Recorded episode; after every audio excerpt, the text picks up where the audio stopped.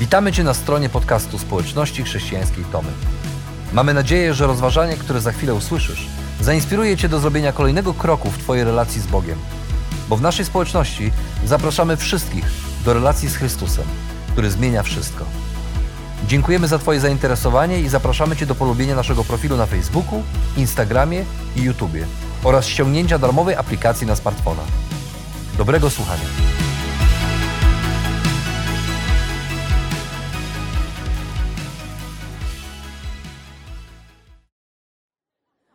Gdy zszedł z góry, postępowały za nim wielkie tłumy. A oto podszedł trędowaty, upadł przed nim, mówiąc: Panie, jeśli chcesz, możesz mnie oczyścić. Jezus wyciągnął rękę, dotknął go i rzekł: Chcę. Bądź oczyszczony. I natychmiast został oczyszczony z trądu. Jezus powiedział do niego: Uważaj. Nie mów o tym nikomu, ale idź, pokaż się kapłanowi i złóż ofiarę, którą przepisał Mojżesz na świadectwo dla nich. Gdy Jezus wszedł do Kafarnaum, zwrócił się do niego setnik i prosił go, mówiąc: Panie, sługa mój leży w domu, sparaliżowany i bardzo cierpi. Przyjdę i uzdrowię go. Panie, nie jestem godzien, abyś wszedł pod dach mój, ale powiedz tylko słowo, a mój sługa odzyska zdrowie. Bo ja, choć podlegam władzy, mam pod sobą żołnierzy. Mówię temu idź, a idzie, drugiemu przyjdź, a przychodzi, a słudze zrób to, a robi. Gdy Jezus to usłyszał, zdziwił się i rzekł do tych, którzy szli za nim: Zaprawdę powiadam wam, u nikogo w Izraelu nie znalazłem tak wielkiej wiary. Lecz powiadam wam, wielu przyjdzie ze wschodu i z zachodu i zasiądą do stołu z Abrahamem, Izaakiem i Jakubem w Królestwie Niebieskim. A synowie Królestwa zostaną wyrzuceni na zewnątrz, w ciemność. Tam będzie płacz i zgrzytanie zębów. Do setnika zaś Jezus rzekł: Idź. Niech ci się stanie, jak uwierzyłeś. I o tej godzinie jego sługa odzyskał zdrowie. Gdy Jezus przyszedł do domu Piotra, ujrzał jego teściową leżącą w gorączce. Ujął ją za rękę, a gorączka ją opuściła. Potem wstała i usługiwała mu. Z nastaniem wieczora przyprowadzono mu wielu opętanych. On słowem wypędził złe duchy i wszystkich chorych uzdrowił. Tak oto spełniło się słowo proroka Izajasza.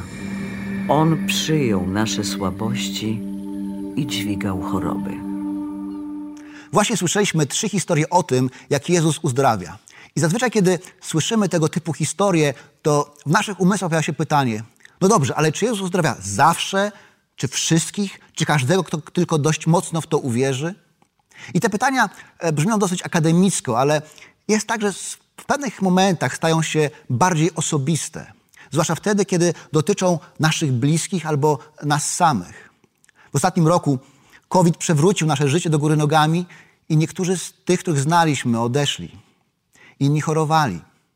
I właśnie w tym roku przekonaliśmy się, że życzenia dużo zdrowia nabrały szczególnego nowego znaczenia, bo mogliśmy zrozumieć i zobaczyć, jak to zdrowie łatwo jest nagle utracić. Zobaczyliśmy też, że chociaż modlimy się o chorych, to nie wszyscy chorzy bywają uzdrowieni. I w takich sytuacjach to pytanie o uzdrowienie staje się nie tylko osobiste, ale czasami staje się też trudne. Bo zadajemy sobie pytanie, no dobrze, ale co z nami jest nie tak, że Bóg mnie nie chce uzdrowić albo moich, moich bliskich? Czy, czy brakuje mi wiary, albo może jestem zbyt grzeszna, a może Bóg nie kocha mnie tak bardzo jak innych? To, całe, to cała dyskusja o uzdrowieniu komplikuje się jeszcze bardziej z tego powodu, że różni chrześcijanie mają różne opinie na ten temat. I są tacy chrześcijanie, którzy wierzą, że uzdrowienie jest znakiem prawdziwości Kościoła. I Bóg uzdrawia zawsze i każdego, kto tylko w to uwierzy. I powołują się na trzy historie, mówiąc, że z pierwszej historii dowiadujemy się, że Jezus chciał uzdrowić, powiedział, że chce uzdrowić tego trędowatego. A więc Bóg chce uzdrowić każdego, ponieważ Bóg nie chce niczego złego dla nas. Choroba jest złem, a Bóg nie może chcieć, aby jego dzieci były chore. Powołując się na drugą historię, mówią, że setnik po prostu uwierzył, że Jezus może powiedzieć słowo i zdarzy się cud. Więc podobnie jest z nami. Musimy dość mocno uwierzyć, a cud się wydarzy. A z trzeciej historii wyciągają wniosek, że Jezus przyszedł na świat po to, aby wziąć nasze grzechy i nasze cierpienie, nasze choroby na siebie i przybył je do krzyża i w ten sposób je zwyciężył właśnie po to, abyśmy doświadczali uzdrowienia i mogli być pewni uzdrowienia. Dlatego często, chociaż nawet mają symptomy choroby, to wyznają, że są uzdrowieni, że zostali uzdrowieni, że Bóg ich uleczył. Jednak problem z takim podejściem polega na tym, że obiecuje więcej niż Bóg obiecuje. Ponadto te trzy historie nie są przepisem na to, jak zostać uzdrowionym, ale mają zupełnie inny cel. Często też zdarza się, że ci, którzy wierzą w cudowne uzdrowienie i odmawiają korzystania z pomocy lekarskiej, doprowadzają do tragedii. W magazynie Time jest artykuł, ukazał się artykuł o tym, jak e, pewne małżeństwo, Catherine i Hubert Scheibel, stanęli przed sądem, ponieważ doprowadzili do śmierci swojego ośmiomiesięcznego synka, który chorował na zapalenie płuc. Oni wierzyli, że Bóg go uzdrowi w odpowiedzi na modlitwę, dlatego nie poszli do lekarza. Ta historia jest tym bardziej tragiczna, że to już jest drugie dziecko w ich rodzinie, które umarło, dlatego że nie poszli rodzice do lekarza. Pięć lat wcześniej zmarł ich dwuletni synek, który też chorował na zapalenie płuc. Kiedy lekarz, kiedy sędzia e, ogłaszał wyrok, to powiedział: Zabiliście dwójkę swoich dzieci. Nie Bóg, nie Kościół, nie gorliwość religijna, ale wy. Dlatego też inni chrześcijanie e, mają zupełnie inne podejście do tematu uzdrowień. I są przekonani, że znaki, cuda, uzdrowienia i dary Ducha Świętego przeminęły wraz z końcem okresu pierwszego Kościoła, ze śmiercią ostatniego z apostołów. Wtedy były znaki, cuda, uzdrowienia potrzebne, ponieważ Kościół się dopiero rozprzestrzeniał. I to był dowód prawdziwości Kościoła. Ponadto chrześcijanie mieli argument, aby e, inni przyjęli Ewangelię jako prawdziwą. Jednak e, kiedy Kościół się rozwinął, apostołowie odeszli, a my mamy Nowy Testament, nie potrzebujemy znaków, ani cudów, ani uzdrowień. Jednak problem z takim podejściem polega na tym, że w Biblii nigdzie nie czytamy o tym, że będzie taki moment, kiedy znaki i cuda po tej stronie wieczności ustaną. I też z jednej strony nie chcemy być ludźmi, którzy e, obiecują więcej niż Bóg obiecuje, ale z drugiej strony też nie chcemy być ludźmi, którzy ograniczają działanie Boga i przez swoją niewiarę zamykają się na to działanie. Dlatego też raz jeszcze musimy popatrzeć na te trzy historie o uzdrowieniu i przeżywać je w szerszym kontekście Ewangelii Mateusza i zadać sobie pytanie, jaki jest cel tych historii. A kiedy je czytamy, to odkrywamy, że Mateusz w swojej Ewangelii pokazuje Jezusa jako obiecanego króla, Mesjasza, który jest wypełnieniem proroc Starego Testamentu. I w Starym Testamencie e, znaki, cuda zawsze były przejawem ingerencji Boga w historię. Oto Bóg wkracza w historię świata i dlatego dzieją się cuda i znaki. I prorocy zapowiadali, że kiedy przyjdzie Mesjasz, to właśnie będzie tak, że jego przyjściu będą towarzyszyły cuda. Ten Mesjasz, obiecany król, będzie otwierał oczy niewidomych, uszy głuchych, będzie karmił głodnych i będzie wyzwalał zniewolonych. I kiedy Jezus przyszedł, to on był wypełnieniem obietnic Starego Testamentu. Dlatego Mateusz w swojej Ewangelii opisuje Jezusa jako obiecanego króla. Dlatego też na początku swojej Ewangelii Mateusz zamieścił rodowód Jezusa, aby pokazać, że on jest potomkiem Dawida, pochodzi z królewskiego rodu Dawida. A później Mateusz opisuje to najbardziej znane kazanie Jezusa, kazanie na górze, w którym Jezus wyjaśnia zasady działania swojego królestwa. A to kazanie kończy się podsumowaniem, kiedy Mateusz mówi, że ludzie słuchali tego kazania i byli zdumieni, ponieważ Jezus nie uczył jak ich uczeni w piśmie, ale mówił do nich jak ktoś, nad kim spoczywa władza. A więc Jezus nie tylko wyjaśniał zasady swojego królestwa, ale on mówił jak król. I dalej okazuje się, że nie tylko mówił jak król, ale postępował jak król. Nie tylko mówił jak ktoś, kto ma władzę, ale tę władzę potrafił wykorzystać w praktyce, ponieważ Jezus schodzi z góry i dokonuje trzech cudów uzdrowienia. I kiedy patrzymy na te trzy historie, to okazuje się, że coś je łączy. Ponieważ w każdej z tych historii Jezus przełamuje jakieś bariery. I mało tego, w tych trzech historiach Jezus dotyka życia ludzi, którzy dla innych z jakichś powodów byli gorsi, a nawet nieczyści. I to Jezus właśnie schodzi z góry, a naprzeciwko niego przychodzi człowiek, który jest trendowaty. I tak naprawdę nie powinno go tam być, ponieważ zgodnie z prawem trendowaci byli uznani za nieczystych. Jako nieczyści nie mieli prawa przebywać w otoczeniu zdrowych ludzi. Musieli stawić swoje domy, rodziny, swoich bliskich i nawet nie mogli zbliżać się do zdrowych. A kiedy szli jakąś publiczną drogą, to musieli krzyczeć, krzyczeć nieczysty, nieczysty, nieczysty. I ten oto człowiek przychodzi do Jezusa ze świadomością tego, że jest oddzielony od innych ludzi. Ale on nie tylko był oddzielony od innych ludzi, ale też był oddzielony od Boga. Też ludzie patrzyli na niego i widzieli kogoś, od kogo sam Bóg się odwrócił. Kogoś, kto jest wyklęty przez Boga i przez to bardziej grzeszny. Jako trendowaty on nie miał prawa pójść do świątyni, która była tym fizycznym znakiem, symbolem obecności Boga. A więc żył z poczuciem, że jest oddzielony od, od Boga i od ludzi. I ten człowiek przychodzi do Jezusa, oddaje mu pokłon i mówi do niego: Panie, gdybyś tylko zechciał, mógłbyś mnie oczyścić. Na te słowa Jezus wyciągnął rękę, dotknął go i oznajmił: Chcę, bądź oczyszczony. I trąd natychmiast ustąpił. Pamiętaj, powiedział Jezus, nie mów o tym nikomu, lecz idź, pokaż się kapłanowi, tak jak nakazał Mojżesz, złóż ofiarę za swoje oczyszczenie. Niech to będzie dla nich świadectwem. Ten człowiek przychodzi i te jego słowa są świadectwem tego, wyrazem tego, że on wierzy, że Jezus może go uzdrowić. Tylko pytanie, czy chce?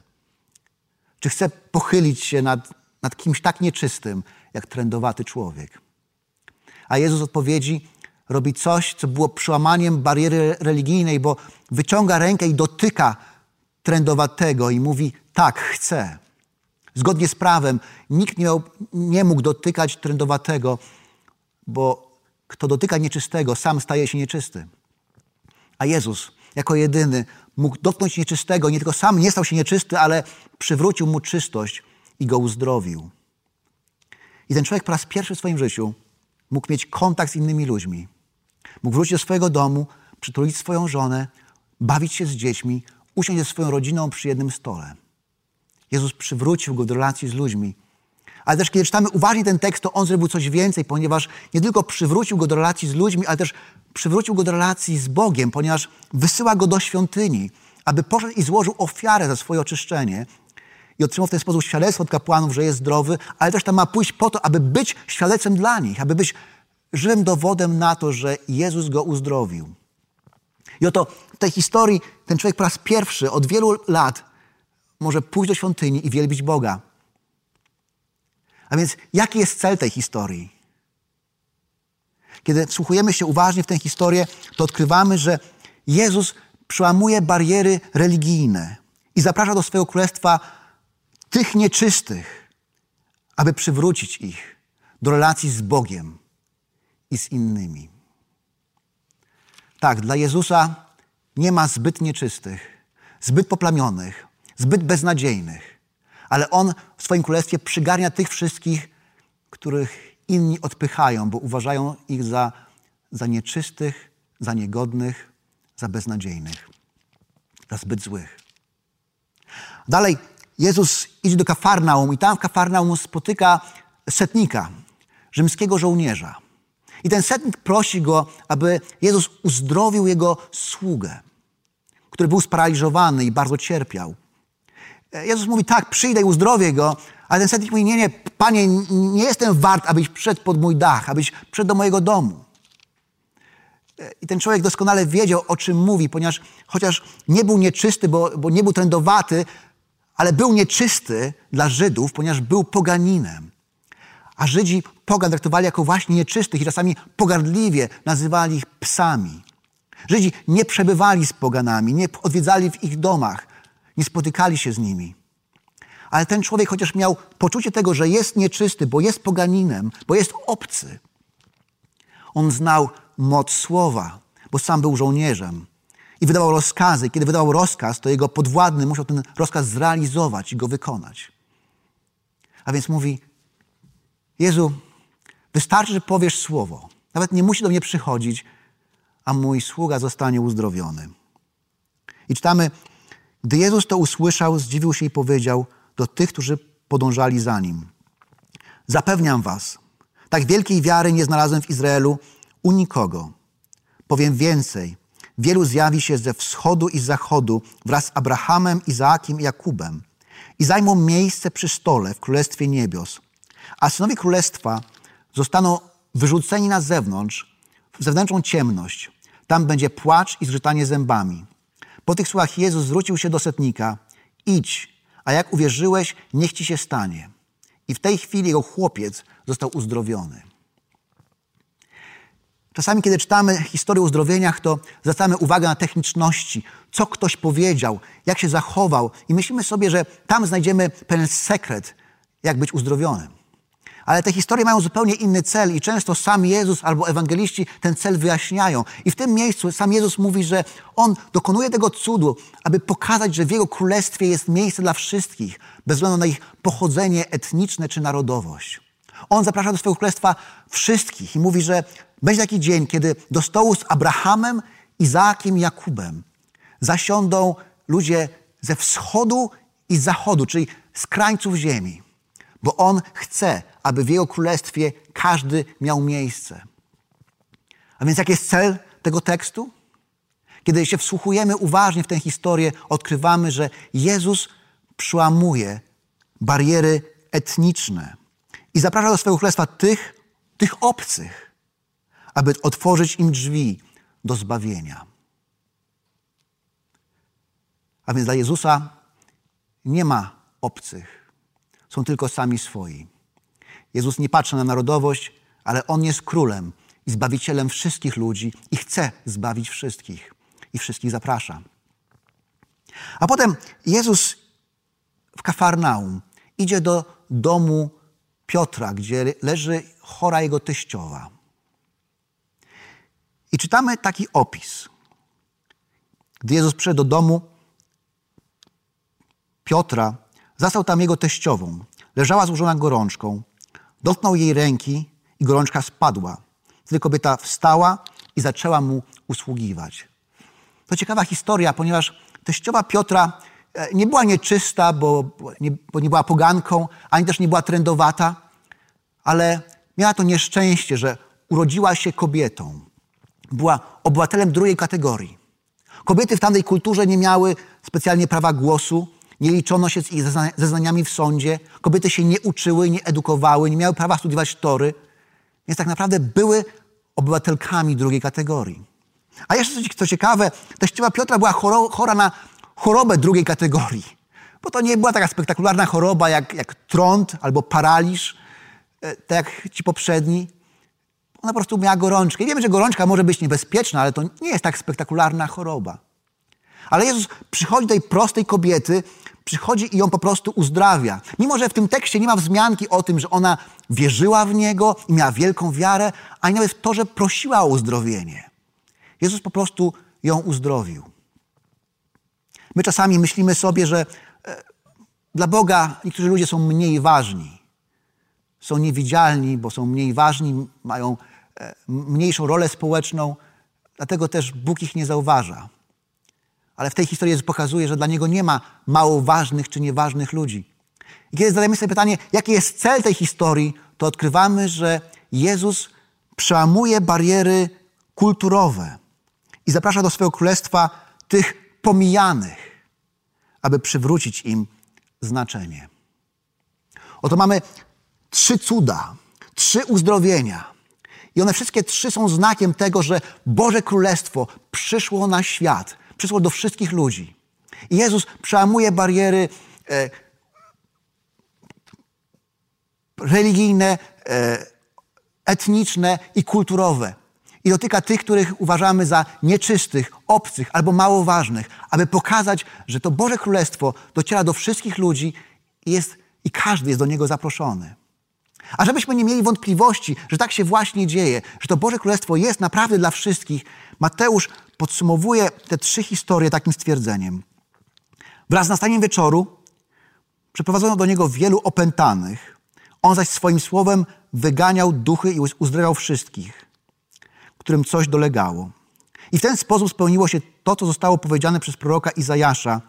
On wziął nasze słabości i poniósł, i poniósł ciężar naszych chorób. W tamtym czasie w Kafarnaum mieszkało około 1500 osób. I wśród tych ludzi było też wielu chorych, którzy przychodzili do Jezusa. I czytamy w tym tekście, że On uzdrowił wszystkich, aby pokazać, że Boże Królestwo przyszło do wszystkich. Chociaż to nie była zasada w Jego służbie, bo w tym miejscu uzdrawia wszystkich, ale na przykład w Ewangelii Jana jest opis tego, jak Jezus uzdrawia jednego chorego człowieka, który leży przy sadzawce, chociaż leży pośród wielu innych chorych. Bo chociaż Jezus uzdrawiał i karmił głodnych, to On przez swoją trzyletnią służbę nie rozwiązał problemu chorób i głodu e, w Izraelu. Ponieważ jego, był inny cel Jego przyjścia. Te uzdrowienia były znakiem tego, że nadeszło Boże Królestwo. Były przedsmakiem wieczności. I były też wypełnieniem się proroctwa i proroctw Testamentu.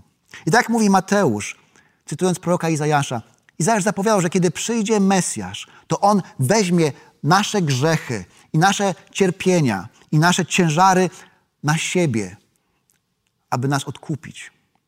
I Jezus przyszedł i umarł na krzyżu za nas, aby naprawić to, co żeśmy jako ludzie zepsuli. Bo kiedy pierwsi ludzie, Adam i Ewa, zbuntowali się przeciwko Bogu, wówczas jako konsekwencją ich grzechu było to, że na świecie pojawiła się śmierć, pojawiły się choroby, pojawiło się zło. Ale Jezus przyszedł po to, aby umrzeć za nasze grzechy i ponieść konsekwencje naszych grzechów. I aby odkupić nie tylko nas samych, ale odkupić cały świat. Jednak wielu ludzi, którzy czyta ten fragment o tym, że e, Mesjasz weźmie nasze słabości i poniesie ciężar naszych chorób na siebie, e, popełniają ten sam błąd, który popełniali e, Żydzi oczekując na Mesjasza. Bo oni oczekiwali, że kiedy przyjdzie Mesjasz, to jednym cięciem zakończy zło. Już nie będzie zła. Ale Jezus przyszedł i wszystkich zaskoczył. Ponieważ przyszedł i umarł na krzyżu i w ten sposób odniósł zwycięstwo nad złem. W ten sposób zapoczątkował swoje królestwo i dał nam zbawienie. Ale potem powrócił do Ojca i pewnego dnia przyjdzie ponownie i chociaż już jesteśmy zbawieni, to dopiero kiedy Jezus przyjdzie, doświadczymy pełni zbawienia. I chociaż Jezus zapoczątkował swoje królestwo, to dopiero kiedy przyjdzie, zobaczymy to królestwo w całej chwale i okazałości. Chociaż Jezus pokonał zło, to dopiero to ostateczne zwycięstwo nad złem zobaczymy, kiedy On powróci. A więc my dzisiaj żyjemy pomiędzy tymi dwoma wydarzeniami, pomiędzy Jego pierwszym przyjściem i powtórnym przyjściem. Pomiędzy już, ale jeszcze nie. Już jesteśmy zbawieni, ale jeszcze nie widzimy pełni zbawienia. Już Jezus pokonał grzech, ale my ciągle jeszcze upadamy.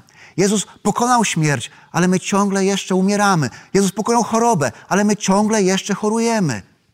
Ale będzie taki dzień, kiedy Jezus powróci i kiedy będziemy mieli nasze nowe, przemienione ciała i wtedy nie będzie ani bólu, ani chorób, ani cierpienia, ani niesprawiedliwości. Bo Jezus pozwoli nam zobaczyć świat, Cały świat odkupiony, nie tylko nas, ale cały świat. To będzie świat bez grzechu. To będzie świat bez skorumpowanych polityków, bez wojska, bez biednych, bez przemocy, bez handlu dziećmi, bez szpitali, bez kroplówek, bez pogrzebów i bez łez. To będzie nowy świat, bo Jezus pozwoli nam zobaczyć to swoje zwycięstwo, które odniósł na krzyżu, i wtedy zobaczymy to zwycięstwo w całej pełni i doświadczymy całej pełni Jego zbawienia. A póki co możemy żyć inaczej, ponieważ wiemy, że Jezus już zwyciężył i że mamy na co czekać. I póki co, kiedy żyjemy pomiędzy tymi dwoma wydarzeniami i przeżywamy chwile dobre i złe, radosne i trudne, zawsze możemy przychodzić do Jezusa i z Nim rozmawiać i się do Niego modlić i prosić kiedy spotykamy chorych albo sami chorujemy, kiedy widzimy cierpiących, smutnych i przygnębionych, możemy modlić się o to, aby Bóg im pomógł. Wierząc, że Bóg uzdrawia zawsze swoje dzieci. Przy czym niektórych uzdrawia po tej stronie wieczności, innych uzdrowi dopiero po drugiej stronie wieczności. Ale Bóg zawsze uzdrawia swoje dzieci. Dlatego z ufnością możemy modlić się o uzdrowienie, zostawiając to Bogu. Jak uzdrowi, kiedy i w jaki sposób, On to wie najlepiej. A kiedy się modlimy, prosząc o chorych, to Bóg czasem odpowiada na nasze modlitwy w najbardziej zaskakujący sposób. 18 grudnia 2004 roku razem z e, moją żoną Esterą i z naszą dziewięciomiesięczną córeczką Miriam pojechaliśmy do szpitala. E, Miriam miała bardzo wysoką temperaturę, nie potrafiliśmy żadnymi środkami tę temperaturę zbić, więc zaniepokojeni e, pojechaliśmy szybko do dziecięcego szpitala. W szpitalu poproszono nas na oddziale przyjęć o zrobienie dziecku badań, wyników pobrano krew, pobrano mocz do badania. Po jakimś czasie E, lekarz przyszedł do nas e, i powiedział, że dziecko będzie musiało zostać w szpitalu z powodu poważnej jakiejś choroby związanej z, z złym funkcjonowaniem nerek. E, dla nas była to no, trudne, trudna informacja, jako młodzi rodzice. Byliśmy zmartwieni, ale to, co zrobiliśmy, to od razu zaczęliśmy modlić się o nasze dziecko, prosząc Boga o to, aby uzdrowił tych chorych miejsc w jej ciele. Teraz Miriam została w szpitalu, ja pojechałem do domu, do naszej starszej córki Naemi. W domu e, to, co zrobiłem, to oczywiście modliłem się cały czas, e, ale też poprosiłem wszystkich moich znajomych. E, zadzwoniłem do swoich rodziców, teściów, poprosiłem pastorów znanych mi wspólnot o to, aby modlili się na nabożeństwie o nasze dziecko, o to, aby Pan Bóg w cudowny sposób je uzdrowił. Po dwóch dniach Przyszedłem do szpitala odwiedzić moją żonę. Lekarka powiedziała, że prawdopodobnie dziecko razem ze starą będzie musiało zostać w szpitalu i spędzić w szpitalu święta. Ja wierzyłem i wierzyłem w to, że Bóg w cudowny sposób może nasze dziecko uzdrowić. Na trzeci dzień e, zostałem wezwany do szpitala, do e, biura pani profesor e, nefrologii i ona powiedziała mi, że córka jest zdrowa i możemy ją zabierać do domu. Powiedziała mi, że jest osobą niewierzącą, chociaż słyszała o różnych spontanicznych uzdrowień. Nie wie dlaczego i nie wie, co się stało. Wie, że dziecko jest zdrowe i możemy je zabierać do domu. A ja mogłem jej złożyć świadectwo, mówiąc o tym, że modliliśmy się i wierzymy, że to dobry Pan Bóg uzdrowił nasze dziecko. Dzisiaj Miriam ma 17 lat, jest zdrowa i razem z nami co niedzielę uwielbia Boga w naszej wspólnocie. Kiedy miałem 7 lat, okazało się, że mam przepuklinę, która wymaga operacji zanim umówiliśmy tę wizytę, zanim pojechaliśmy do szpitala, e, wiele razy w kościele e, i wiele też osób modliło się o, o uzdrowienie. Jednak nic takiego się nie wydarzało, dlatego pojechaliśmy do szpitala. Pamiętam, że jechaliśmy po drodze, rodzice kupili mi wielki zestaw samochodzików, żeby przekonać mnie do tego, żebym został w tym szpitalu. Jednak na miejscu okazało się, że mam infekcję gardła i nie mogą mnie operować. Mam po prostu przyjechać za miesiąc, kiedy wszystko e, będzie, będzie dobrze. E, wróciliśmy do domu i e, podczas tego miesiąca było jeszcze kilka okazji, kilka, e, kilka razy zdarzało się tak, że e, czy w kościele wychodziłem do przodu, czy podnosiłem rękę z prośbą o modlitwę, uzdrowienie. Modliliśmy się też w domu e, o tą sprawę. E, ale pamiętam ten jeden raz, kiedy mm, w swojej takiej dziecięcej wierze e, poprosiłem Pana Boga, żeby dał mi jakiś znak, że On słyszy moje modlitwy. Wymyśliłem sobie, że tym znakiem dla mnie będzie e, to, że ta osoba, która będzie się o mnie modlić, żeby pogłaskała mnie później po głowie. I tak się stało. Pan Bóg jakoś tak to poukładał, odpowiedział wtedy na tą moją modlitwę. E, zostałem pogłaskany po głowie, a to spowodowało w tym małym chłopcu e, e, taką pewność, przekonanie, że Pan Bóg jest, słyszy i się o mnie troszczy. Niedługo potem okazało się, że e, przepukliny już nie ma, e, a ja nie muszę już kolejny raz jechać do e, szpitala, bo zostałem uzdrowiony. Mam na imię Halina i mam 69 lat. Od 8 lat jestem osobą nawróconą. W 2013 roku usłyszałam diagnozę rak złośliwy piersi i cały mój świat runął. Była operacja, chemia, naświetlania, a potem oczekiwanie na wyniki badań krwi, prześwietlenie, USG, tomografu. Po jednym z takich badań dowiedziałam się, że mam guzowatość w prawym płucu. Pierwsze myśli to strach, niepokój, żal i pytanie dlaczego. Ale ponieważ byłam osobą nawróconą, zaczęłam się modlić. Modlitwa i nadzieja była w moim sercu zamiast strachu i niepokoju. Wiem też, że o moje uzdrowienie modliła się rodzina i społeczność naszego kościoła. Modliłam się i wiedziałam, że tylko w Jezusie jest nadzieja i tylko On, kochający, potężny Bóg, może wszystko, bo kocha mnie i każdego z nas i oddał za mnie swoje życie, żeby dać mi nadzieję, przebaczenie i mogę do Niego przychodzić z każdym problemem. Po jakimś czasie ponowne badanie płuc tomografem w celu postawienia końcowej diagnozy wykazało brak jakichkolwiek zmian. Byłam po raz kolejny uzdrowiona dzięki łasce i miłości mojego wszechmogącego i kochającego Boga. Oto słyszeliśmy że, i widzieliśmy, że Jezus uzdrawia. I tak to już jest, że jednych uzdrawia w sposób cudowny i nadzwyczajny, innych rękami lekarzy. Jednych po tej stronie wieczności i innych po drugiej stronie wieczności. Ale Jezus uzdrawia zawsze. I my mamy na to czekać, ponieważ On po to nas zbawił, abyśmy pewnego dnia doświadczyli tego zbawienia w całej pełni.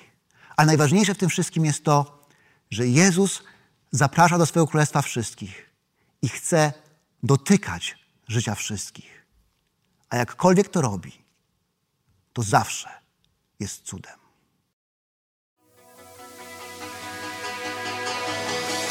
Jeszcze raz dziękujemy za wysłuchanie naszego rozważania. Jeżeli mieszkasz w okolicach Tomaszowa Mazowieckiego lub Łodzi, zapraszamy Cię do odwiedzenia nas na niedzielnym nabożeństwie. Więcej informacji znajdziesz na stronie schatomy.pl.